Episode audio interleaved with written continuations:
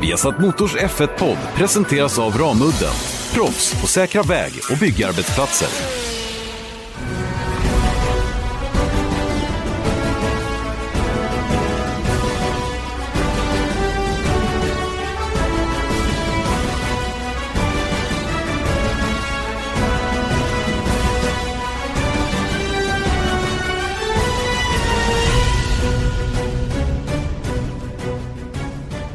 Mycket välkomna till Vesat Motors Formel 1-podd. Janne Blomqvist, Erik Stenborg. Ny racevecka. Raceveckorna står som spön i backen just nu. Eh, dagens F1-podd kommer givetvis att landa lite grann i gårdagens riktigt, riktigt bra lopp ifrån Barber Motorsports Park i Indycar. Eh, vi kommer självklart att fokusera också på att det faktiskt är det tusende Formel 1 Grand Prix som körs kommande helg i Shanghai. Och vi kan väl också, tycker jag, börja blicka framåt mot nästa Indycar-race då i Long Beach. Eh, lite nyheter från Formel 1 kommer givetvis och, och hela den biten. Va? Men, men Erik, eh, man sitter ju lite grann med på näthinnan gårdagens race trots allt. Det, det är liksom svårt att tvätta bort det. Man har en god smak i munnen. Ja, det måste jag säga. Verkligen. Och det, det är ju extra kul då att vi har Felix Rosenqvist med oss i denna podcast lite om en liten stund. Exakt så. Det glömde jag att berätta, det borde jag ha gjort. Men Felix Rosenqvist är med. Vi hade Marcus Eriksson förra veckan. Den här eh, veckan är alltså Felix med oss som jag fick tag i bara för en liten stund sedan faktiskt. Eh, och eh, jättespännande att höra vad han har att säga om saker och ting. Men innan dess, eh, vad, vad är din känsla efter gårdagen? Den var god tycker jag. Det, det, är lite så här, jag har ju haft de senaste nu har det gått tre Indycar-race och jag har haft lite sådär eh, svårt att vänja mig för man är så himla van när man har följt F1 så himla nära och att på något sätt att F1 är liksom benchmarket för formelbilsracing i hela världen. Men man tänker liksom när man har... Det har väl inte någonting egentligen med att man jobbar med det men det är ändå... Eh, man är ju väldigt nära Formel 1 och då är det liksom så det ska vara på något sätt. Och eh, jag tänker liksom bara hur man jobbar med eh, Indycar, att liksom kontakten med den organisationen och hur eh, sändningarna ser ut och eh, tidsschemor, hur man bokar saker och, men också då hur det ser ut liksom, i ren racing eh, rent racingmässigt helt enkelt. Mm. Att man bara liksom, Formel 1 funkar på ett visst sätt och oavsett om man gillar det eller inte gör det så är det ju så, så det är. Liksom, så att man är, man är van vid det. Och helt plötsligt så är det en ny serie som man också har helt plötsligt börjat följa väldigt nära. Och man märker liksom att den här banken om hur formelbilsracing fungerar är ur spel stundtals i alla fall. Vi, kom, vi kommer in på samma tema faktiskt, jag och Felix Rosenqvist här om en stund. Vi, skillnaderna som är ganska avsevärda faktiskt emellanåt. Men innan vi kommer dit då. Eh, det tusende Grand Prix till Formel 1 körs kommande helg i Shanghai. Eh, allt startade alltså den 13 maj 1950 och sen tvistade de lärde om hur många lopp som har körts sedan dess. Mm. Eh, våran, finns... våra medarbetare dit i ränken är inte helt övertygade om att det här är det tusende racet. Nej. Till exempel. Nej, och det... Jag har faktiskt det var ju dumt alltså. Men jag började eh, räkna. Ja, för att liksom försöka säkerställa det här för min egen del. Och eh, jag gav upp helt enkelt runt 600-700 någonstans där. För att då började man bli osäker för helt plötsligt så finns det olika källor och sen att få källor på liksom, någon säger något och någon säger annat och sen så vänta, det var ett non-championship race men det var ändå så att det delades ut så och sen så var det poäng där och sen så och då bara gav vi upp och nu går jag på vad Formel 1 säger åt mig att göra. Så att det här är banne mig den tusende racet, det säger jag bara. Just det. Och eh, det är oavsett då om det har körts ett antal lopp som faktiskt kallades Formel 2 på 50-talet eller om Indy 500 har ingått i Formel 1-VM och allt vad det nu är. Mm. Så att eh, lite grann beroende på hur man räknar då så kan man få fram olika datum. Men det tusende racet av Formel 1 bestämt körs den här helgen i Shanghai. Mm. Ehm, ja, vad, vad, vad, liksom, vad, vad, vad, tänker du på när du tittar tillbaka? Vi har ju, inte, vi har ju bara halva, halva av de här åren, eller inte ens det egentligen. Nej, men det är väldigt många race. Så, så, I och med att det var så få i början. Det var ju liksom, ibland var det sex race och ibland var det sju och ibland var det nio. Och det var ju många, många år som det var så. Eh, så nu när vi är uppe på 21 i den här sidan av de tusen racen. Liksom, så då matar man på. Om man tittar på listan till exempel på antal starter bland förare och att Marcus, då, Marcus Eriksson ligger på 97 stycken, då är han högt upp. Han är liksom före väldigt många namnkunniga förare som man tänker hade mycket längre F1-karriärer. Men det var ju också att de körde dubbelt så mycket eh, de senaste åren.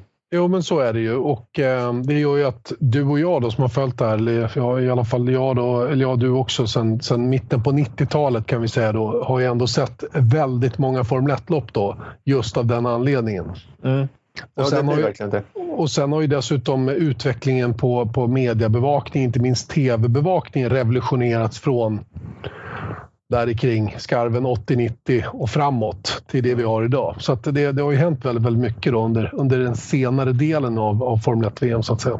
Mm. Och det är ganska roligt då när man tittar. Det, det, här kommer, det här blir lite preview av vad ni kommer se i helgen inför racet.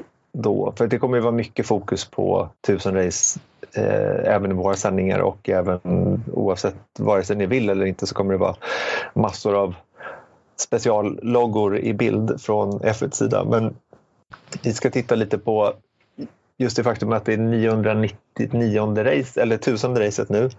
Men har något stall varit med i 999 race hittills? Ja, det är en bra fråga. Har de det egentligen? Jag tror inte det va? Nej. Det, Nej, det, det, som skulle kunna varit i Ferrari då, men de körde ju som all, det var ju Alfa Romeo de två första åren, va? var det inte så? Mm, ja, Ferrari var faktiskt med, men de var med något sporadiskt där i början. Så att i första racet där, som du nämnde, 13 maj 1950 på Silverstone, då var de inte med. Då var det Alfa Romeo. Sen så eh, debuterade de i Formel 1 eh, eh, till andra deltävlingen det året i Monaco. Och sen så har det varit lite, eh, jag ska inte säga sporadiskt, för att de har hittills då 972 starter. Det var värst. 972 av 1000, det är ju imponerande alltså. Ja, så det, och det är det de får betalt för om man säger så. Jag, tänkte säga det, de får en vacker slant för besväret. Mm, verkligen. Så att, men det är just att jag tänkte så här, men de har ju varit med från början. Alltså, gut reaction är ju det. Att, eh, för att Ferrari har liksom varit med från starten, det är liksom vedertaget. Men det var de inte. De var inte ens med i första racet. Nej, nej. All right. Ehm, det kommer vi naturligtvis att titta tillbaka på våra sändningar och, och jag menar, gå igenom allt sånt i den här podden känns ju eh, ogörligt på något sätt. Men, men vad händer i helgen då? Ehm, det kommer att synas som sagt, som du var inne på. Ehm, det kommer att vara många special specialdesignade hjälmar om jag förstått saken rätt.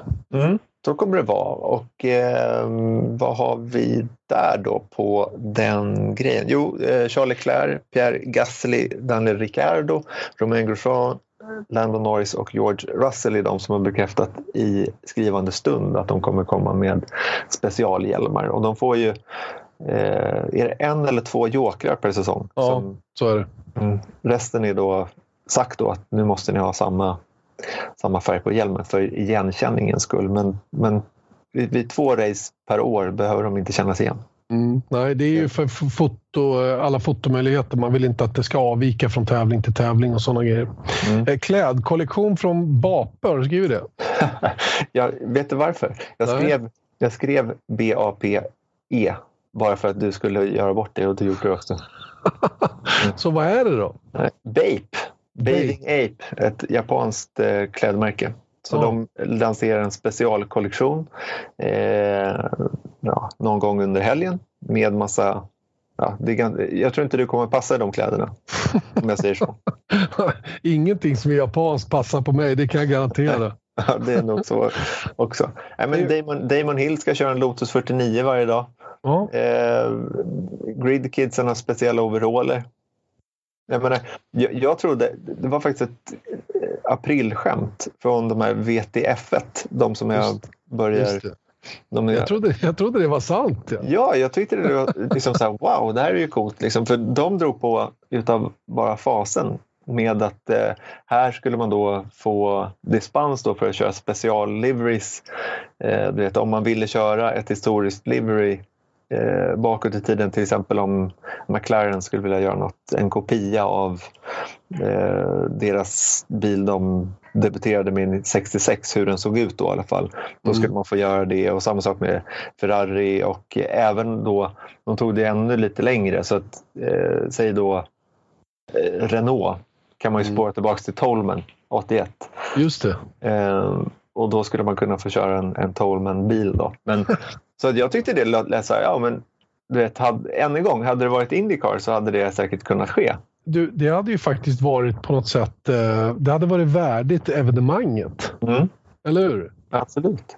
Sen, sen fattar man att all cigarettreklam och sådana grejer kan man inte köra med. Men, men liksom, det, hade varit, det hade varit fränt att se en, en... Jag tycker Renault som en, som en Benetton från mitten på 90 hade varit kul att se. Mm. Ja, men det finns massa sådana där. att man kan... Ja, men varför inte ta en Ligier eller liksom, ja. det finns massa eh, grejer. Och sen så vidare då så hade VTF som jag också gick dö på. Det gick ganska snabbt innan jag förstod att det, det, här, är, det här är nog inte sant för att jag råkade veta att det var första april precis då. Men det var eh, just att de skulle ta dit alla nu levande världsmästare och deras världsmästarbilar. Just det. det tycker jag var en så rimlig grej. Ja, och alla i den mån de klarade av det skulle köra den bilen de man blev, blev världsmästare i. Va? Ja, så det var, hade inte varit helt galet med tanke på hur mycket Formel 1 har liksom laddat för det här. Det var ju två års tid. Vad är ambitionsnivån hos Formel 1 egentligen? Ja, men den är nog hög tror jag. Men, men eh, det är det här det blir. Och sen så kanske det blir bättre i, i praktiken. Men jag tycker... Jag, och det är nog aprilskämtet som förstörde hela grejen för mig. För att annars hade jag kanske inte haft samma förväntningar. Men just att Damon Hill ska köra en Lotus 49 en gång varje dag. Mm. Jag menar, man ser ju en miljon sådana där gamla F1 som tävlar i, på många ja. andra. Ja, visst. Nej, det är inte tillräckligt. Damon Nej. Hill, som för övrigt är i Stockholm idag. Just, just nu, just nu när vi spelar in. Det handlar om parfymer va? Ja, hans, eh, hans pappas namn eh, finns på en ny parfym som lanseras den här, den här eh, dagen i Sverige. Då. Så att de har haft en, ett litet event i Stockholm. så att, eh, om man det är kanske någon som har vetat om det och haft möjlighet att gå dit. Mm. Jag vet inte hur publikt det där är. Jag var faktiskt medbjuden dit men jag hade lite annat att göra idag. Så att, eh, spela in podd. Det, det, blev inte av förstår du. Ja, till exempel spela in podd. Eh, Okej, okay, vi, vi släpper tusen i Grand Prix då tillfälle tycker jag och eh, landar lite grann i gårdagens Indycar-race igen för att eh, eh, jag tycker det är, det är värt att prata en stund. Det var så pass bra lopp det vi fick se. Framförallt fick vi se en väldigt, väldigt speciell start. Mm. Tänkte du på det? Och vad det var som inträffade? Eh, lite eh, joxigt att komma ihåg. Ja, det var ju Ed Jones, en av Ed Carpenter-förarna som låg långt bak i fältet. Han höll ju på att köra rätt in i bilen framför. Så vad gjorde han? Han reagerade ju snabbt som tusan, vek ut till vänster och stampade gasen i botten. Mm. Han insåg ju direkt att han hade gjort en tjuvstart och kommer att bli bestraffad för Men då tänkte han om jag nu ska få en drive-through. Det var överhuvudtaget tycker jag en lite rörig start på loppet där innan de släppte. Ja, så det blev lite oordning i ledet kan man säga. Men ja. Eh, sen var det ju action från, eh, från början till slut egentligen. Ja, alltså det, det, och det var lite det här jag var inne på. Jag slutförde inte riktigt det. Jag lämnade en lös tråd i det resonemanget där i början av den här podden. För det första, nu kanske ni hörde en liten skräll här och det var mitt eh, tvättställ. För jag, sitter, jag har låst in mig i... Eh, Torkställning är det. Ja, Okej. Okay. Vad är tvättställ då? Ja, det är sånt du tvättar händerna i badrummet. Ja, det har jag inte här i, i mitt lilla klädförråd. Och dessutom har jag glömt micken hemma så om ni vill, känner er manade att klaga på ljudet så varsågoda. Det bara blev så här. Inte jag den här gången. Exakt. Men eh, ja, var var jag någonstans? Jo, jo, det var just den grejen att, att liksom racing, eh, min eh, racinghjärna så som det ska se ut är inte inpejlad på Indycar än. Och det är precis det jag menar med... Det, det, är därför jag tycker att det är extra kul att titta på Indycar nu, när man sitter som igår. Och jag bara, jag vet inte. Jag, jag du vet, när, när till exempel Marcus eh, tog ett tidigt depåstopp, då började jag så här, ja, ja, men han kommer få problem i slutet istället. Mm. Och sen så bara verkade inte det ske. Och så sitter man och lyssnar på, det är faktiskt en, ett tips också jag är all over the place ikväll känner jag. Men, men, Vi kör hårt bara. Ja. Jag har Ja, men- pratat tillräckligt igår kväll så det är lugnt. Exakt. Ja, men om man tittar på racet att man då eh, hänger med i loppet tillsammans med Indycars app. För då får du höra all eh, radiotrafik då så kan du välja Felix eller Marcus eller vem du nu vill lyssna på. Och jag har, jag sitter och assisterar dig och Mm. den, den nämnde, eh, utnämnde experten för, för det racet då. Och då har jag valt då att nu ska jag lyssna på, på den svensk som ligger först. Så igår då blev det stora delar av racet eh, Marcus och då var det ju just snacket som jag försökte utröna då. Har han problem i slutet av sitt stint nu? Eller i slutet av racet? Men det kom liksom inte riktigt någon sån indikation på att det skulle vara ett problem, att han hade gått in tidigt. Och då blev jag så här, men det här kan ju inte gå. Han kan ju inte köra så här fort och så här aggressivt och när de ändå säger att han ska spara på bränsle och eh, jag menar, de verkar oroliga men de är inte oroliga. Eller, förstår du? Att jag får liksom inte ihop det.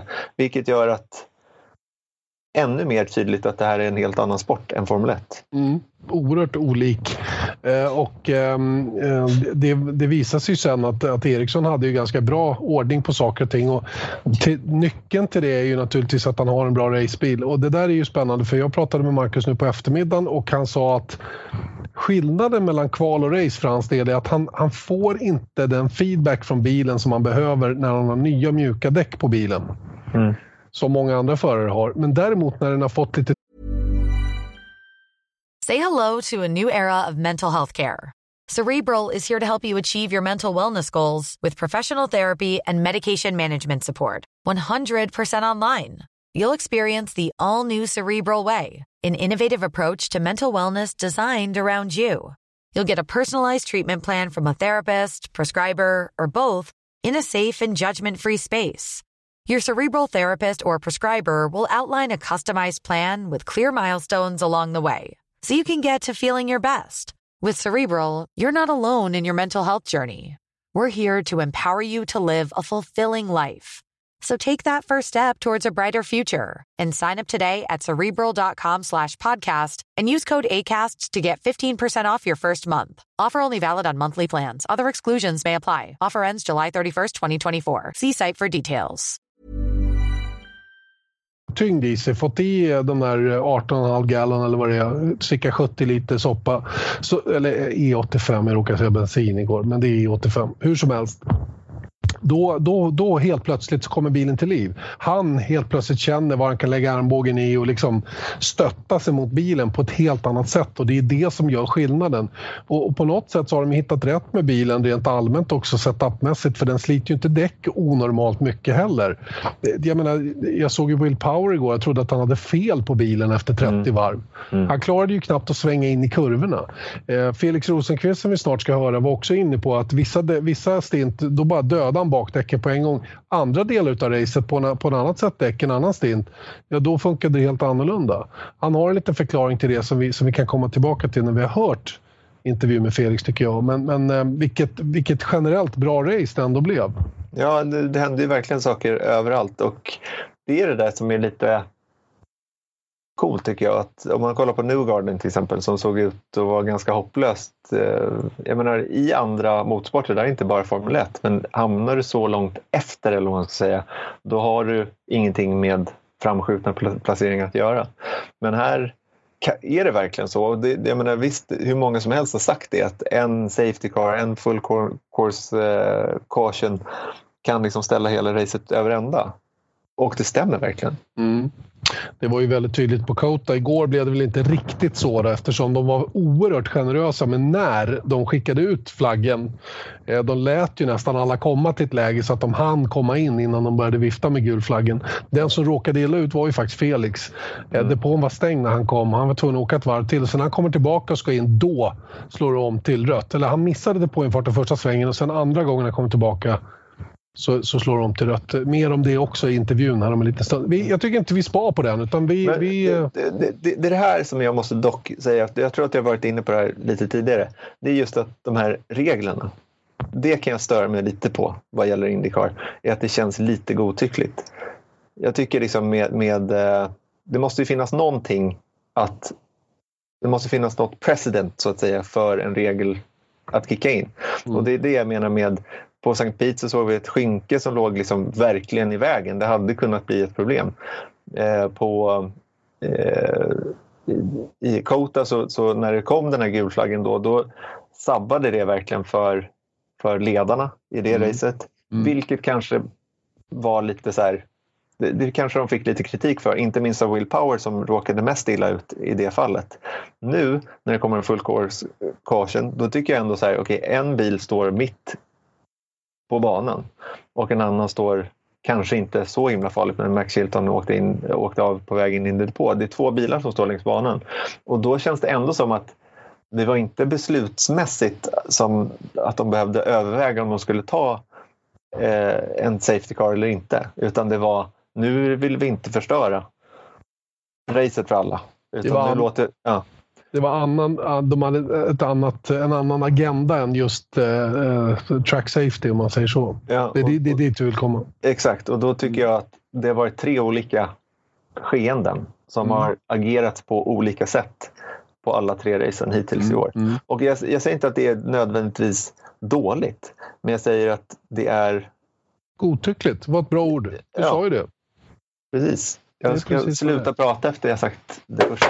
Säger något, något bra, då, då kan jag sluta prata. Exakt, så vi skickar, vi, vi, vi går över till Indianapolis kort och gott. Felix Rosenqvist tillbaka i lägenheten efter ett eh, ganska tufft race igår tror jag nere på Barber Motorsports Park. vad, vad säger du själv? Ja, det var en tuff helg. En av mina tuffare på, på länge tyckte jag.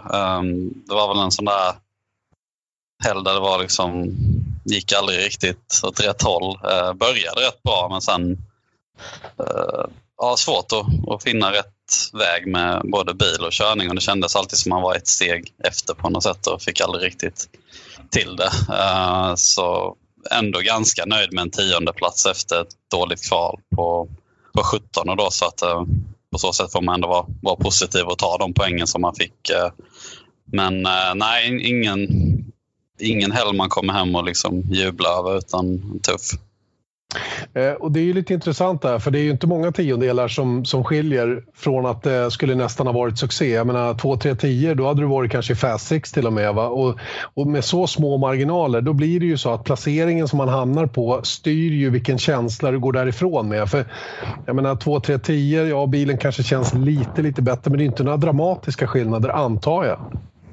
Nej, det är som du säger, kvalet är ju väldigt tajt och det var väl där, egentligen där jag kände att vi, vi gick väldigt mycket åt fel håll med setupen från, från dagen innan då uh, och kunde inte riktigt vara med och slåss och sen blir man ju lidande hela helgen efter det då.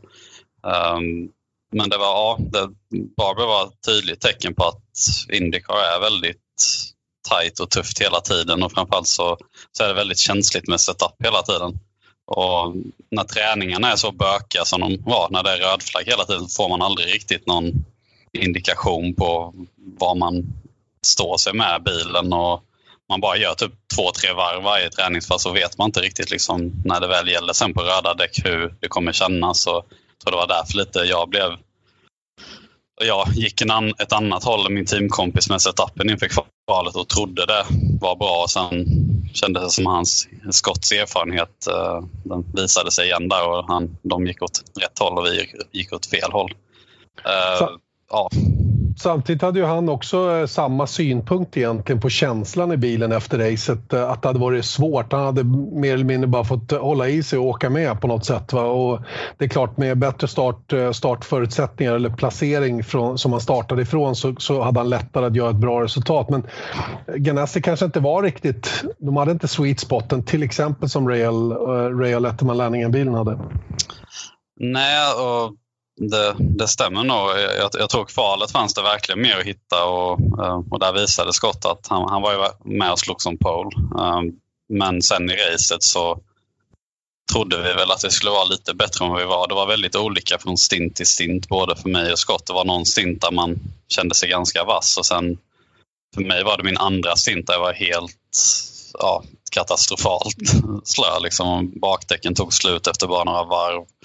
Uh, och jag jobbade verkligen hårt hela helgen på att försöka vara liksom lätt på däcken. För det, det känns som det var denna banans nyckel till att, till att vara bra i racen och kunna ta hand om däcken. Och, men det kändes ändå liksom som vad man än gjorde, hur mjuk och fin man än var i körningen så bara liksom föll de av. Och sen var det någon stint där det var nästan tvärtom, att man fick man kunde pusha bilen jättehårt. Så det var väldigt, väldigt mycket upp och ner hela helgen från pass till pass och från stint till stint. Och det var det som var väldigt ja, eh, svårt att liksom dra några större slutsatser från det.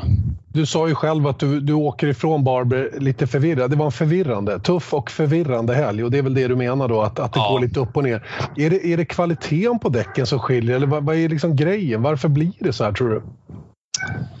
Ja, det är svårt att säga. Men det har varit mycket snack om det här med däcken hela helgen efter träningarna. Det var någonting med de röda däcken. Som, det var många som var långsammare på de röda däcken. Då. Men jag tror egentligen det var bara en one-off på, på träningen och ingenting som vi behöver oroa oss för på race och kval. Men ja, det, det, känns ju som att det är någonting som gör att däcken beter sig väldigt annorlunda. Jag tror det har mycket att göra med hur man värmer upp däcken. Och, alltså, det, det, det känns lite för mig som att varje gång vi vi går in i depå under en safety car och sen kommer ut så har vi en väldigt bra stint. Men när vi går ut och slåss med någon direkt ut i depån så får vi en jättedålig stint. Uh, däcken får nästan som en chock. Uh, så jag tror de är väldigt känsliga på, på många sätt. Uh, mer än vad vi har trott och mer än vad de kanske har varit tidigare år också. Så, vi såg ju nu på Barb att däcken var, eller bilarna var mer än en sekund långsammare än förra året. Så det känns som det har hänt någonting på den fronten som, som tar alla lite by surprise. Mm. Eh, och vad hände där på slutet då i samband med depåstoppet som du gjorde då under gul flagg? Du hann inte in i depån helt enkelt innan det blev caution och blev utvinkad igen och så fick du komma in något varv senare. Eh, jag uppfattade inte riktigt det i sändning för vi, vi såg aldrig ditt depåstopp. Jag trodde kanske att du åkte in andra gången för att toppa upp lite grann och slippa spara bränsle eller någonting i den stilen. För på något sätt så, du tappade ju ett par placeringar där. Var, var, det, var det pit commitment line som du missade där? Precis, det var ju så att eh, uh, Rahal fick något strul med motorn eller vad det var, så jag såg det. Och så frågade jag, ska jag gå in? Och så var det precis för sent för att kunna gå in det varvet. Sen nästa varv så sa de, okej, okay, gå in om, om depån är öppen, annars stanna ute. Och sen precis när jag gick in i depåfilen, liksom där depågatan separeras från banan, precis då så tändes den här pit close light då, som betyder att man inte får köra in i depån. Så jag hade egentligen inget val än att gå in i depå. Och då får man bara köra igenom depå. Man får inte göra sitt depåstopp då. Ehm, men som tur var, jag, jag tänkte nu, nu ligger vi sist, liksom, nu är racet kört. Men som tur var gjorde ju typ fem, sex stycken bakom mig likadant. Um, så jag tappade bara två bilar. Jag kanske hade tjänat två bilar om jag kunde göra stoppet. Så det var inte en så stor dealbreaker som det kunde ha varit. För när jag kom ut sen och de sa att jag låg 12 så trodde jag att de, att de sa det bara för att hålla mig positiv. Typ. Jag trodde de ljög för mig men, men det var faktiskt så. så det, det var, det var inte sån katastrof som det borde ha varit. Så, så. Nej. Och sen lyckades du faktiskt trycka dig förbi Will Power. Jag tror han körde slut på bensin på slutet och gjorde att du kunde nypa honom på sista varvet. Var det så? Ja, det var lite konstigt för han, det såg inte ut som han eh, sparade bensin under hela stinten och sen på de två sista varven så märkte han, det var lite som att köra Formula E, han bara började lyfta mitt på, på raksträckorna. Eh, så jag tror de har felkalkylerat någonting där. Ehm, och så fick jag kanan också där i, lite efter omstarten så två omkörningar i sista stinten var skönt att få en topp 10-plats där i alla fall eh, och lite bra poäng. Ja, åka ifrån en helg som har varit lite gungig och ändå bli tia, det, det, det, går ju inte att vara annat än nöjd med det sett till förutsättningarna på något sätt. Nej, absolut. Eh, sen när, när Scott var tvåa och kvalade trea, det är alltid det som, som, är, som är jobbigt att se, liksom, att det, det fanns mer potential. Men eh, ja, det, det kändes mer än de tidigare helgerna att det var mycket att lära sig och att erfarenheten kom, kom in liksom på, på sån här, den här typen av helger när allting är lite huller om buller. Jag tittar på en sån som Josef Newgarden då, som startar 16 och blir fyra. Då. Han gör ju en verklig uppkörning och är ju i allra högsta grad eh, stark i mästerskapet totalt sett. Och Det är väl den typen av prestationer man måste göra även när det är lite tyngre en helg. Och det är klart att det är inte det är inte alltid lätt att vända allting till något positivt. Eh, vi är tre helger nu in i, i din eh, Indycar-karriär. Om vi, vi, släpper gårdagens race lite grann då, som, som blev vad det blev så att säga för din del. Hur, hur har du upplevt det? Det blev ju verkligen upp som en sol första racet där och sen kanske det har fejdat av lite grann där. Hur, hur, tycker du att det har varit de här, de här inledande racen av din nya karriär då så att säga? Uh, det, alltså det har varit väldigt mycket positivt att, att ta med sig från framförallt de två första helgerna. Eh, men det har aldrig riktigt pusslats ihop till att bli ett bra resultat. Eller St. Pete var väl bra P4 liksom, men där hade vi ju chans att vinna i racet. Vi hade bra race pace men det var mer en strategibeslut som gjorde att vi missade pallen. Um, sen Kota var ju helt perfekt helg fram till eh, uh, Fasix där våran bil inte alls var bra på de gamla röda däcken och sen i racet så var det, ja, det var väl okej okay, men det var inte heller något strålande race. Uh, lite, lite samma som, som Barber, upp och ner från stint till stint. Uh, hade nog en potentiell ja, topp 8-plats eller liknande men, men det var väl någonting som saknades där också. Så att det, det har varit mycket liksom vi har haft race varit bra i racet, haft race varit bra i kvalet. Och det handlar ju egentligen bara om att få ihop det och det är väl det Scott har varit eh, bra på hittills. Att han, han har liksom lyckats pussla ihop det på ett bättre sätt än vad jag har. Mm. Eh, och livet runt omkring då? Bo i Indianapolis och vi, vi, jag sitter och kollar på ditt, ditt sovrum tror jag kanske. Det är, så, det är inga tavlor på väggen direkt.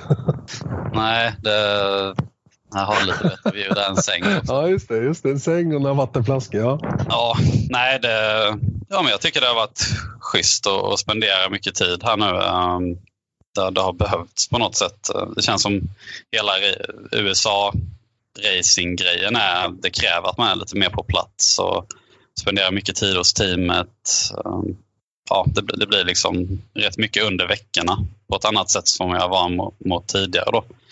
Um, och sen har det, det är ändå ett stort commitment som man, man har tagit på sig att köra Indycar. Man vill, man vill liksom se till att man, man, man, man gör allt av det och, och verkligen ja, jobb, jobba hårt liksom under, under veckorna och, och spendera tid med teamet. Så det, det har varit lite en annan, ja, annan resa från, från vad man är van vid. Men det, det har varit kanon faktiskt.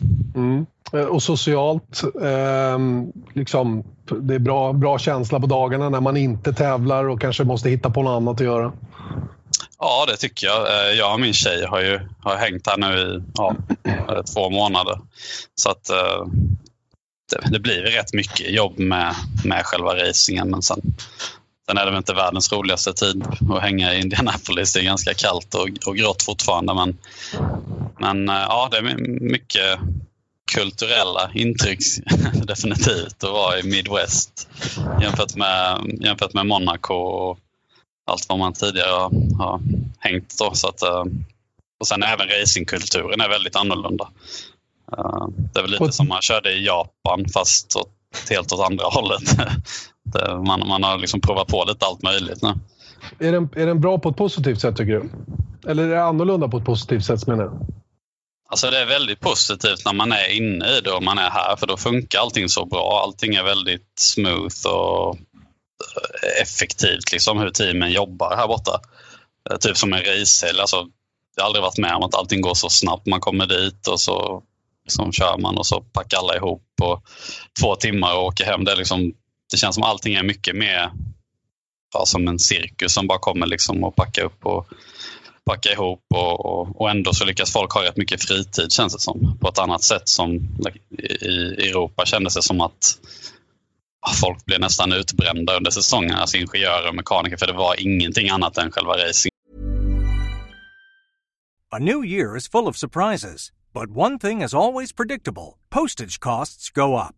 Stamps.com gives you crazy discounts of up to 89% off USPS and UPS services. So when postage goes up, your business will barely notice the change. Stamps.com is like your own personal post office, wherever you are. You can even take care of orders on the go with the mobile app. No lines, no traffic, no waiting. Schedule package pickups, automatically find the cheapest and fastest shipping options, and seamlessly connect with every major marketplace and shopping cart. There's even a supply store where you can stock up on mailing supplies, labels, even printers. Stamps.com has been indispensable for over 1 million businesses just like yours. All you need is a computer or phone and printer. Take a chunk out of your mailing and shipping costs this year with Stamps.com. Sign up with promo code PROGRAM for a special offer that includes a four week trial, plus free postage and a free digital scale. No long term commitments or contracts. That's Stamps.com code PROGRAM.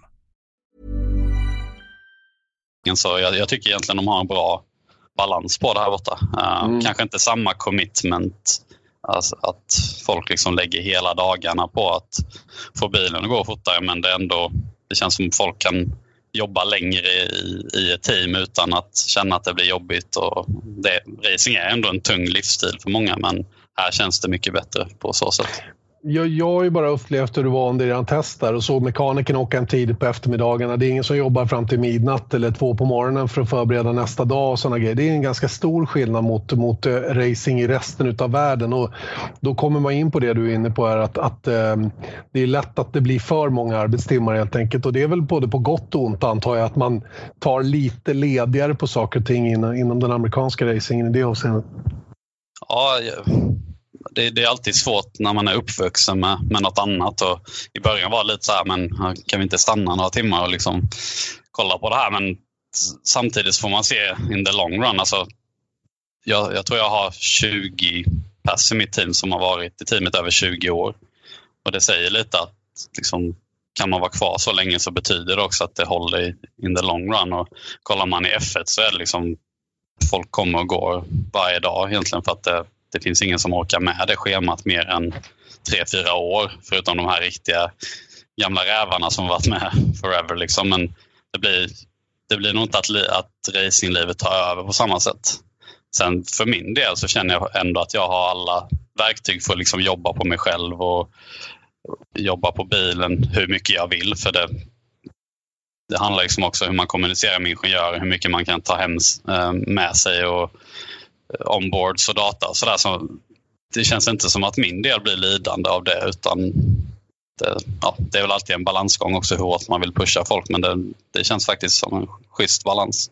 Mm, vad bra, för det är ju det är oerhört viktigt att ha den balansen för att, för att liksom må bra själv och det är ju enormt viktigt också för resultaten på banan. Vad har varit den största utmaningen då så här långt tycker du? Jag vet, du och jag pratade i Texas då under testen där och vi, vi gick ju igenom det mesta av det här men det är ändå lite intressant att höra vad du tycker nu när det har gått tre helger liksom och eh, allt som är runt omkring och, och allt det där. Uh, jag tycker den största utmaningen är väl själva tävlandet. Alltså, det är en tuff serie. Eh, allt annat känns egentligen ganska enkelt runt omkring. Eh, eh, man kör också för ett bra team som har varit med länge och de, de vet hur man tar hand om förare så att man kan fokusera på rätt grej. Liksom. Och det känner jag verkligen att jag har fått göra men det, det är verkligen ett tufft commitment med Indycar. Det, det ingen lätt bil att, att komma underfund med. Framförallt så här setup-fronten. Det är väldigt mycket ändringar hela tiden.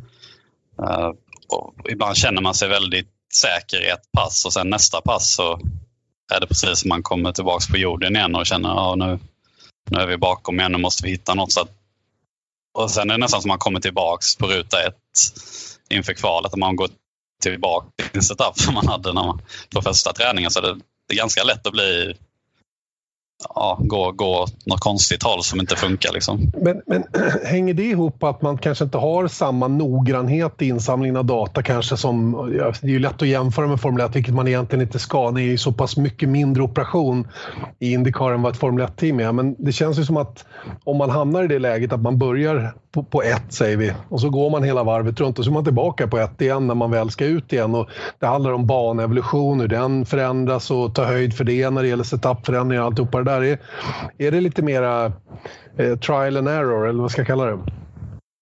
Kan vara. Samtidigt så, så kan jag verkligen confirma att det, det känns väldigt annorlunda från pass till pass. Och det, kan väl, det kanske är så att man så att man har haft ett bra kval 2018 och så tar man den setupen 2019 till första träningen och då kanske det inte är tillräckligt mycket grepp i banan och då börjar man ändra grejer och sen när greppet väl är tillbaks så, så går man tillbaks på samma. Så att som sagt, bilarna är väldigt känsliga känns det som. Uh, hur man, ja, väder och vind och, och grepp i banan och vilka andra kategorier som har varit ute på banan innan. De kanske har kört ett annan, en annan gummiblandning eller ett gummitillverkare då, så, som gör att det, det, blir svårare. Så ja, väldigt mycket sådana grejer. Och det, det, är väl där man får liksom lära sig då att bygga en databas. Att de, om Mazda MX5 Cup har varit ute innan så blir bilen överstyrd eller understyrd eller liknande. Då. Och, och det var väl ganska speciellt nu på Barb att vi hade väldigt mycket supportklasser som vi inte haft tidigare.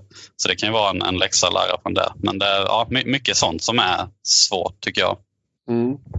Eh, förarna då som du tävlar emot i mästerskapet då, är det någon, några som har stuckit ut tycker du som, som är speciella att racea emot eller som du tycker är väldigt skickliga? Jag pratade lite grann med Marcus Eriksson som tycker att kvaliteterna kanske på racecraft varierar en hel del på förarna. Många som är snabba över ett varv men många som har mer problem på söndagarna. Hur upplever du det? Ja, det, man läser, det känns som man läser ganska snabbt vilka som är bra var. Eh, det känns som många rookiesen är väldigt bra. Marcus är, har varit väldigt bra i race. Eh, typ Herta ser väldigt stark ut både kval och race faktiskt. Han, han är faktiskt en av de bättre än så länge tycker jag. Rossi känns som en stabil förare som sällan gör misstag och alltid med topp 6. Power extremt bra i kval men ganska average i race skulle jag vilja säga. Um, och Dixon är väl egentligen den som är totalt sett bäst tycker jag. Uh, jag har inte direkt raceat mot honom än men han känns extremt strong överlag. Sådär. Så att, uh, det känns som att de, det är typ Dixon, uh, Newgarden, Rossi som det är de här killarna som är överlag bra hela tiden som är liksom, kanske inte bäst hela tiden i kval eller i race men de, de är alltid topp fem. Det, det, det, är nog det som är nyckeln. De har högst lägsta nivå på något sätt. Sen ja. är det lite kul tycker jag att, att Teams of Rail då som en, har legat ganska långt ner hittills helt plötsligt bara blommar ut och hittar sin sweet spot med bilen och, och kan ta och hela första startled där som, som, som i lördags och söndags. Ja, det, och det är ju återigen tecken på hur känsligt allting är. De, de har ju varit ganska dåliga i, i vissa sammanhang i år och varit nästan sist i fältet och sen helt plötsligt liksom etta, tvåa på kvalet. Så det, ja, allting handlar om den där sweet spoten på setupen och det, det är nog många som inte riktigt vet hur man får till den tror jag. Eh, Long Beach redan nästa helg. Eh, skönt att få racea igen antar jag på en gång och försöka liksom komma tillbaka i, i groovet och, och eh, den goa känslan. Hur, har du kört i Long Beach tidigare? Körde ni Indy Lights där? Nej, den har jag inte kört så det är väl en av de här klassiska stadsbanorna man fortfarande inte har fått prova. Så det, det känns nästan som en av säsongens highlights för mig att, att komma dit. Och det ser faktiskt riktigt schysst ut den banan och ser verkligen ut som en bana som passar mig när man ser ombordklipp och och sådär. Så att och vår bil borde bra, vara bra där också. Den, den brukar vara bra på stadsbanor så att det, det, ja, det kommer nog bli en schysst helg för mig. Mm. Och sen kommer ju då nästa stora utmaning här in i maj. Första ovalracet in i 500. Jag vet att du har varit på Texas och slagit ditt land speed record som du skrev. Land speed record. Vad var det? 360? Vad blev det? 224 miles per hour var den. Jag tror det är 369, 370 någonting kanske. Herregud, det är väldigt snabbt. Vi räknade 1,6. Ja, 358,4. Alltså, så ja. det, kanske, det kanske är lite till då, inte vet jag. Men, men eh, det är väldigt snabbt i vilket fall som helst. Hur var den upplevelsen? Det var väldigt häftigt. Eh, jag har ju kört på eh, Indianapolis Motor Speedway innan i Indy Lights. Och den, det var ju verkligen en känsla av fart och ja, att det bara gick fort helt enkelt. Men sen när man kom till Texas så förväntade jag mig att det skulle vara som Indy fast att den var rundare helt enkelt. För Indy är 490 grader kan man säga. Eh, så jag förväntade mig att det skulle vara en Indianapolis som var rund. Men när man kommer dit så är banan liksom den är så himla liten. Den, man ser liksom hela banan från var man än står på banan så ser man runt hela banan. Eh, och det var verkligen en chock. Men jag tänkte, ska vi köra 350 blås runt här? Alltså det kan inte gå. Men det, ja, det gick. För det, den, är, den är så pass bang, eh, den har så mycket dosering i kurvorna så alltså, det går liksom att hålla den farten på den lilla tajta banan ändå. Så ganska häftigt. Man var, man var nästan ganska, ja, yr i huvudet efter första morgonpasset. Så här, man hoppar ur bilen så känner man att det, världen snurrar lite. Och det var ju där jag kommer ihåg när, när Kenny körde där så var det ju något racen blåste av för att det svartnade för ögonen för många av förarna. Och det var ju på grund av att det blev så mycket kompression i kurvan. Så de, ja, och då tror jag de hade 238 miles i snitt eller något sånt där. Och då, så de blåste av det racet faktiskt. Eh, och kunde ändå förstå när, när man körde där och tänkte om vi lägger på 15 miles på det här så tror jag att då är det nog tufft och för blodet att jobba sig upp till hjärnan helt enkelt. Ja, ja. Nej, men det blir ju så. Det, det åker ju ner i nedre delen av kroppen och man får spänna sig lite grann kanske på fighter pilot-vis lite grann. Ja, och så känner man uh, så kinderna åker ut så, här, så det känns som någon drar en i kinden och ögonen ska ploppa ut. Typ, så här. Väldigt bisarr upplevelse men uh, cool bana. Det känns som det kommer bli väldigt bra racing där för man, ofta kan man ligga två i bredd runt hela banan om, om det nu byggs upp gummi och det beror på lite från år till år men uh, det brukar vara ett av de bästa ovalracen. Känner du um, inspiration inför Indy 500 eller känner du lite nervositet? Vad är, liksom, vad är grundinställningen? Jag vet att ni racerförare, ni vill ju bara vinna. Så ni vill ju bara dit och köra så fort som möjligt. Men någonstans finns det väl ändå en, en, en viss, alltså jag kallar det ett, ett litet frågetecken runt omkring det trots allt. Ja, absolut. Uh, det är väl alltid så när man inte har riktigt provat eh, den typen av racing innan. Alltså det är ju ändå en stor del av vår säsong. Det är extremt mycket poäng den helgen. Eh, och så kommer man dit och känner sig nästan som att det är en ny, helt ny sport man ska prova på. Eh, så absolut känner man sig nervös för man vill veta hur man presterar. För det vet, det vet man inte än. Kommer det kännas bra? Kommer, det vara, kommer första träningspasset vara en wow-upplevelse eller kommer det vara att man är jättesnabb direkt? Det är liksom de tankarna som går i huvudet. Så jag, jag tror mycket kommer avgöras första träningen och bara liksom vad har vi att jobba med. Eh, men efter Texas kände jag ändå väldigt mycket mer confidence än vad jag gjorde tidigare för ovalerna. Jag hade lite sådär upplevelse i Indy Lights efter ovalerna. Men det, mitt team är extremt duktiga på just ovalen. Det känns verkligen som det, deras starka sida. Så att, och så har jag Dario Frankitti med mig och Scott som teamkompis. Och det, det, känns verkligen som jag har alla de bästa runt omkring mig för att liksom get up to speed på ovalerna. Uh, eh, så ja, det gäller nog bara att ta det lugnt och vara calm. Och det kändes som jag hade pacen på, på ett varv. Liksom. Och sen, sen är det väl mest att jobba med traffic management och slipstreaming och allt vad det heter. Så, uh, nej, ja, pla pla planera körningen känns det som att man måste göra väldigt mycket. Man, man måste bygga upp omkörningar och ta dem vid rätt tillfälle och hela den där grejen när man kommer till valen. Just det. det låter som en kul utmaning i alla fall. Eh, du, eh, innan vi slutar. Eh, Grand Prix nummer 1000 i Formel 1 här till helgen. Eh, Kinas Grand Prix. Han du med att se Bahrains Grand Prix till att börja med? Jajamän. Vad tyckte du om det? Det var, det var grymt. Var det. det var riktigt bra racing. Uh, jag gillade sättet det kändes så när man har varit, kört Indycar några helger så kändes det som F1 har fått till mycket bättre än tidigare. Att det är väldigt simpelt att följa. Alltså ganska basic strategival men ändå utslagsgivande vilken strategi folk gör och lätt för alla att följa och, och mycket omkörningar. Det kändes som bilarna kunde följa varandra närmre och kul med Leclerc, ny rookie fighter i toppen där. Så att, äh, det var överlag väldigt kul som ja, F1-fan att se hur bra race det var. Mm. Vad säger du om Charles Leclerc? Han är en, eh, en stigande stjärna, säger ju alla. Ja, det, men det såg vi verkligen på Bahrain. Det, han, han slaktade ju Vettel. Det var ju det var inget annat sätt att säga det på. Eh, jag har ju kört mot Charles så jag, jag kommer ihåg. Jag var ju veteran i, F1, i F3 när han var rookie. Och det, det var verkligen någonting speciellt med honom. Eh, det, det sa man direkt. Mm ska bli kul att följa. Och jag antar att eh, det blir svårt att följa Kinas Grand Prix då, kommande helg eftersom ni tävlar själva. Då. Nu är det inte exakt samtidigt. Ni kanske har någon möjlighet att smyga till någon TV och se. Får vi se hur det loppet avlöper. Då. Det är ju en annan typ av bana som är mer front-end limited då, eh, snarare än, än, än Bahrain då, som, där bakaxeln är den som man måste ta hand om hela tiden. Då. Hur som helst, kul att prata med dig Felix. Jätte, jätteroligt att det har gått bra så här långt. Och det är bara att hålla tummarna nu för att Long Beach blir en, en, en stark historia igen. Då, att du kan vara med och slåss ända upp i toppen. Det är det vi satsar på. Nu, nu har vi haft två dåliga helger. Nu blir det back on track igen tror jag.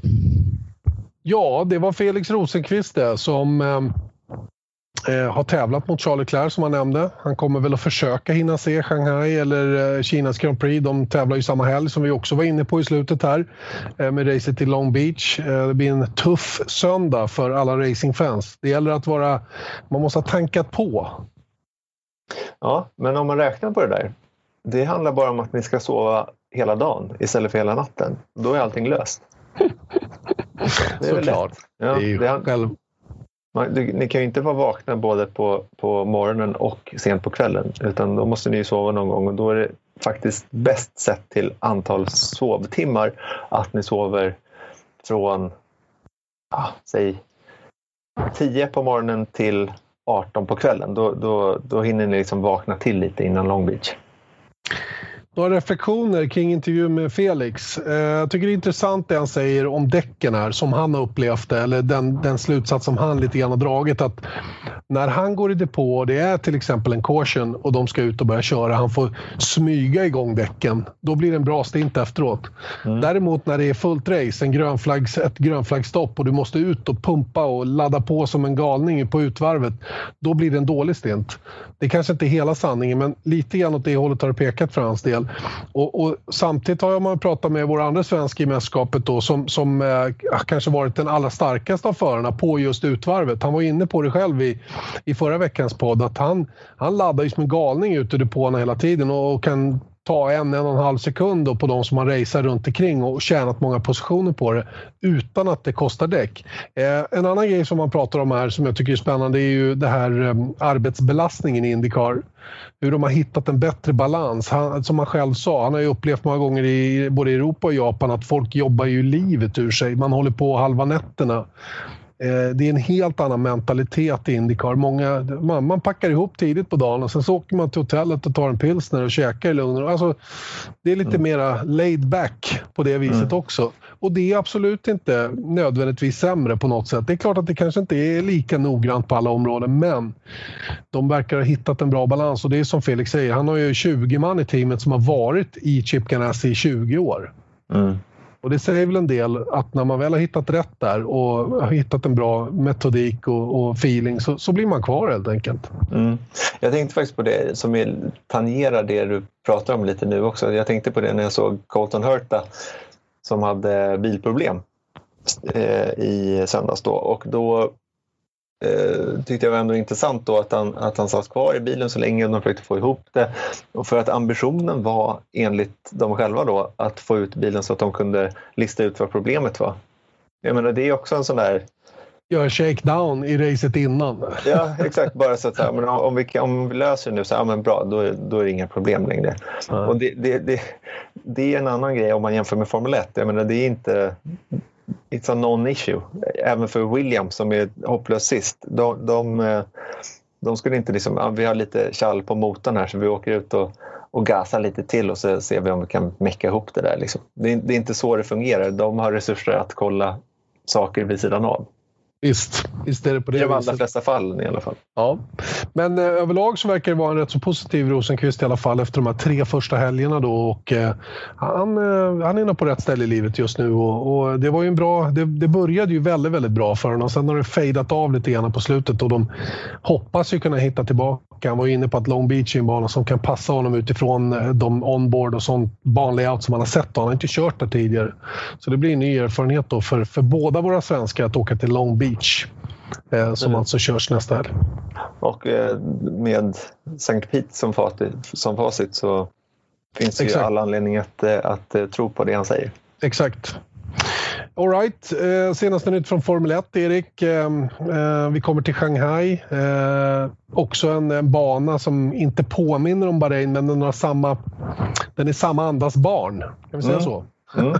Ungefär samtidigt färdigställda. Och samma fader. Just det. Nämligen Herman, Herman Tilke. Mm.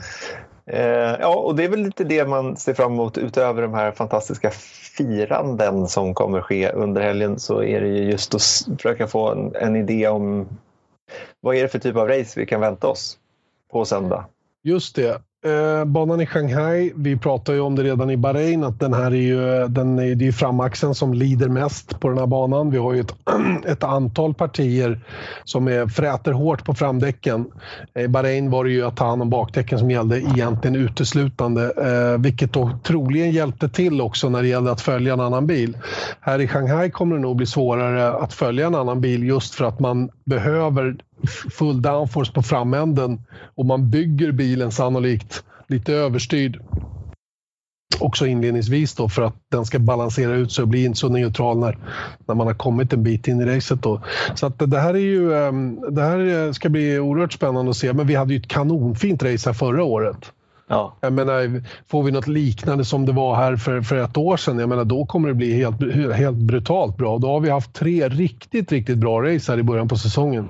Mm. Och jag menar, allting talar för, oavsett de här RO-reglerna eller, eller ej, som du sa, jag menar, förra året så hade vi inte de här RO-reglerna och det blev riktigt, riktigt bra ändå. Och det här var liksom hopplösa bilar köra om med. Men det var ändå, om det, det här är ytterligare en sån bana som verkligen premierar omkörningar. Jag menar, mm. Det finns ju efter långa rakan, så jag tror att den är 1,2 kilometer lång eh, med en DRS-zon och sen så är det en, ytterligare en DRS-zon på start och mål och sen så är det kurva 5 va? och sen så är det väl kurva 9, eller det spelar ingen roll vad de heter utan det finns åtminstone, skulle jag säga, fyra stycken riktigt bra omkörningsställen på den här banan. Absolut. Eh, också intressant att, att, att, ta reda på hur pendeln mellan Ferrari och Mercedes kommer att, att, att se ut. Så att säga då. Ferrari med klart övertag på Mercedes, framförallt rakt fram. Mm. Eh, det var ju inga större skillnader faktiskt på dem eh, i sektor 2 och 3 i Bahrain, men just sektor 1, det var ju där i kvalet då som, som Leclerc hade greppet på, inte minst Ferrari, eller Mercedes, men också på Sebastian Vettel faktiskt. Så det var nog inte bara att Ferrari hade mer pace mer power. Eh, det pratas om 40 hästkrafter mer. Mm. Eh, jag tror att man har en väldigt, väldigt smart mjukvara för, eh, för deployment, alltså för användningen av ERS. Som de använder på ett klokt sätt just nu. De skickar på mycket av det direkt ut ur sväng och får bilen så snabbt som möjligt upp i toppfart. För toppfartsmässigt skilde det nämligen inte så vansinnigt mycket i Bahrain. Mm. mellan Mercedes och Ferrari och flera av de andra teamen. Så jag tror inte det är just toppfarten utan det är mera hur snabbt man kommer upp i toppfart som, som är grejen för Ferrari. Och det där är det där ska bli spännande att se om det håller i sig. Eh, problemet för, eh, för Charles Leclerc eh, var, var en kortslutning in i motorn, någon krets som hade kortslutit som gjorde att de fick eh, miscombustion som det heter och tappade en cylinder helt enkelt och gick miste om säkert en bit över 100 hästkrafter bara av den anledningen. Så att, eh, men den motorn ska återanvändas igen här nu i, i, i, på fredagen åtminstone så får vi se hur de gör med resten av helgen. Det, är väl, Eh, det återstår väl att se men, men ehm, jag tror fortfarande att Ferrari har ett visst övertag. Vad tror du?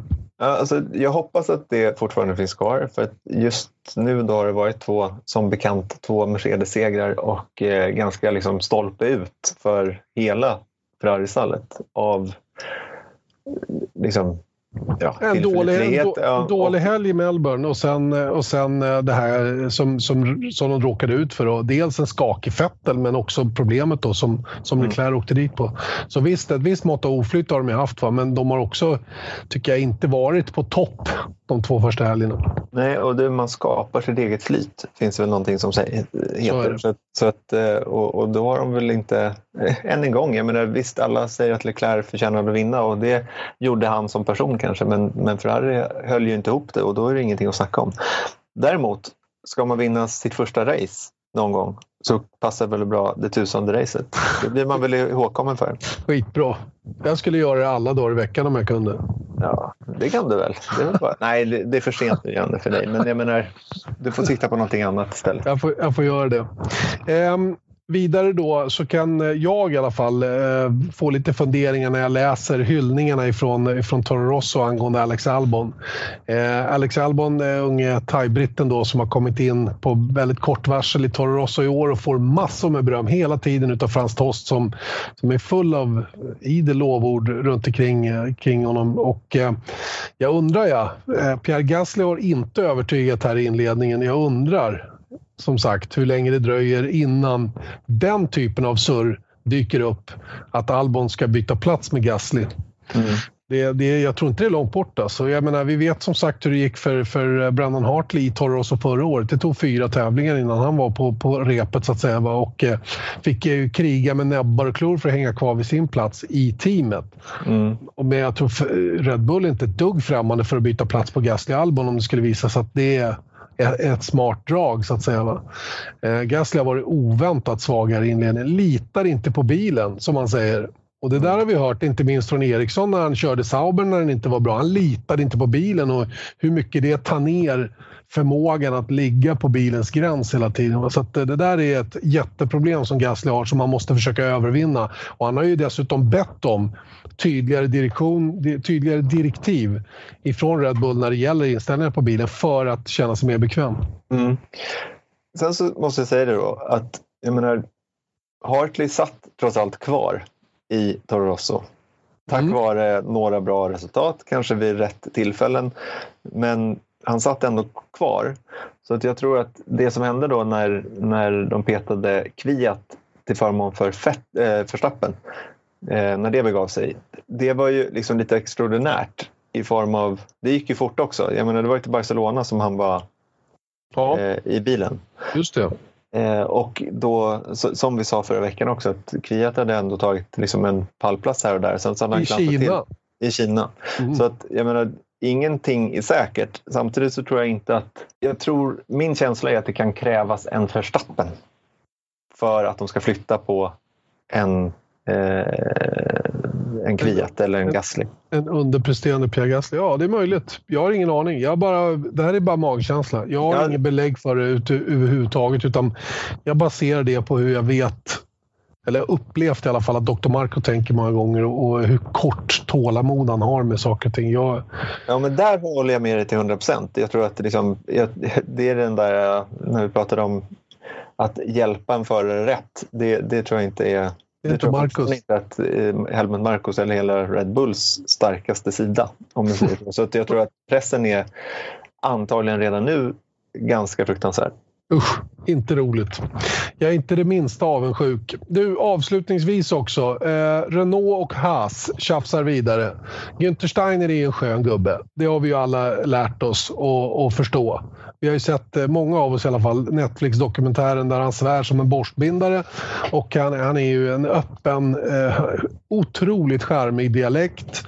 Och han är surrig i största allmänhet. Nu har han gått hårt åt Renault som har gnällt över att Haas för tydligt är ett B-team till Ferrari och att de drar för stor nytta av det här. Och Günther Steiner han, han bet ifrån ordentligt under presskonferensen i Bahrain och nu har han vidare tagit upp det igen och sagt att om vi hade varit sist så är det ingen som hade klagat. Vi är för bra helt enkelt. Renault borde fokusera på att göra ett bättre jobb själva än att hålla på och gnala på oss. Och, och jag kan ju jag kan se båda sidorna här. Renault satsar enorma pengar och står och stampar lite grann. Haas satsar bara en bråkdel. Vad har de? 400? Jag tror inte ens att de har det. 250 anställda eller vad det är. Ja. Eh, var det inte Brandel som sa i den här Netflix-dokumentären att Mercedes har lika många som Haas har anställda totalt på semester hela tiden? Ja, exakt. Typ, typ så. Ja, men det är bara så att ni får en bild av hur stor skillnad det är. Och Haas då eh, tar outhouse, så att säga, in då så mycket som möjligt eh, och sätter på bilen då och låter Dallara bygga chassi och så vidare. Och de, men, de, men de gör ett bättre jobb än Renault i många mm. avseenden. Som mm. gör allting in-house.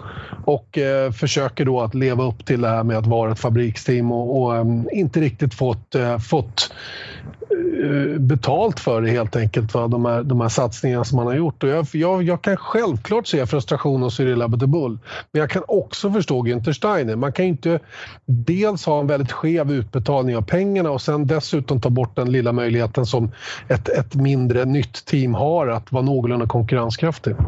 Nej, och sen så tror jag att liksom anledningen till att ett team som Renault gör det här, de är ändå ett fabriksteam, men jag tror att att göra det på sättet de gör det har större potential på pappret än vad, hur HAS gör det.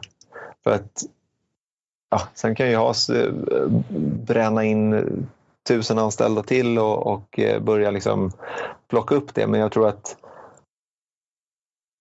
det finns ändå en anledning till att Mercedes skulle ju aldrig, eller de, de, man är fortfarande ett kundteam och det vill man ju inte vara. Det är därför eh, Red Bull inte längre kör med Renault-motorer och gått mm. över till, till Honda och det var samma anledning som McLaren tog det steget från från eh, eh, Mercedes till, till Honda när de gjorde det. Nu Mm. gick det mer fel för dem, men det är just den där grejen att du måste kunna, för att du nå hela vägen fram. Jag menar, det handlar om en halv sekund till eller åtta tiondelar. Eh, då, då behöver du ha kontroll på hela linan själv. Det har i alla fall varit en sanning förr i tiden. Men jag tror att den stämmer fortfarande idag. Mm.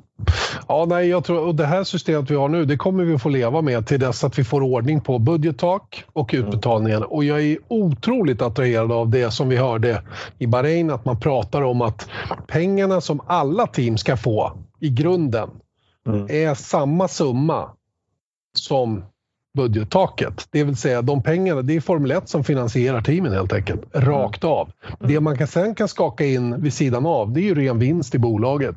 Eller om man är duktig i mästerskapet. De pengarna hamnar på toppen, men får ju inte användas åt Formel 1-satsning så att säga. Utan de, de blir ju, och det gör ju att nya tillverkare kan tycka att fast det är ju värt att komma in här. Det, kommer ju, det är ju hanterbart och ekonomiskt försvarbart att vara med här. Vilket kan gynna hela mästerskapet. Toyota, alla de här som har varit med tidigare, kanske tycker det är toppen att komma in igen. Ford, ett stort amerikanskt märke, inte vet jag. För Jo, de men- vet att hoppar de in och får en entry, då vet de att de får pengar tillbaka som motsvarar budgettaket. Sen hur bra man jobbar inom ramen för de här 150 miljoner dollarna eller vad det blir, det kommer ju avgöra hur bra man lyckas i mästerskapet. Och det kommer de ju naturligtvis att få jobbigt med inledningsvis som nytt team då om man kommer in. Ja, och då är det ingen risk längre. Nej, exakt. Exakt, och det är ju det som är grejen. Tänk att ja, men Toyota nämnde jag, de liksom investerar 4-5 miljarder bara för, att, bara för att komma igång. Mm. Hade inte kört en meter. Nej. Och höll på i två år och byggde liksom, eh, världens största fabrik i, i Köln och hade ett testcenter på Paul Ricard. Och, ja. Det var andra tider, men, men eh, det skulle inte gå idag. Nej, verkligen inte. Så att, eh, jag ställer stort hopp till det. här. Vi får se hur det blir med den saken. Jag kan utlova intervju med Dieter Renken i Kina som jag tar med mig hem, som vi kommer att höra nästa vecka. Och kanske kan vi få lite mer ljus på saken då, för han har ju verkligen koll på det där. Mm. Och lyckats få reda på vad Liberty Media egentligen berättade till teamen om det som ska ske då från 2021. Just det, och då kan vi väl konstatera att eh, Viasat Motors F1-podd är slut för den här veckan. Det har varit väldigt trevligt att prata med dig Janne och ursäkta ljudet eh, än en gång. Det ska aldrig mer hända, eller det ska aldrig hända igen. Kanske någon gång igen, vi får se. Eh, men jag hoppas inte det i alla fall. Men, och vi eh, syns och hörs till helgen. Då är det F1 Magasin på, på torsdag. Eh, ganska tidigt på dagen för att det är sex timmar fram till Kina och sen så börjar vi träna i, på fredag och sen så är det kvalas det på lördag och sen så raceas det på söndag och så även i Indycar. Just det. Senare på kvällen, svensk tid. Eh, en intensiv helg framför oss och jag ser väldigt mycket fram emot den. Eh, vi, vi hörs kort och gott under helgen, du och jag Erik och alla ni andra. Viasat Motors F1-podd presenteras av Ramudden. Proffs på säkra väg och byggarbetsplatser.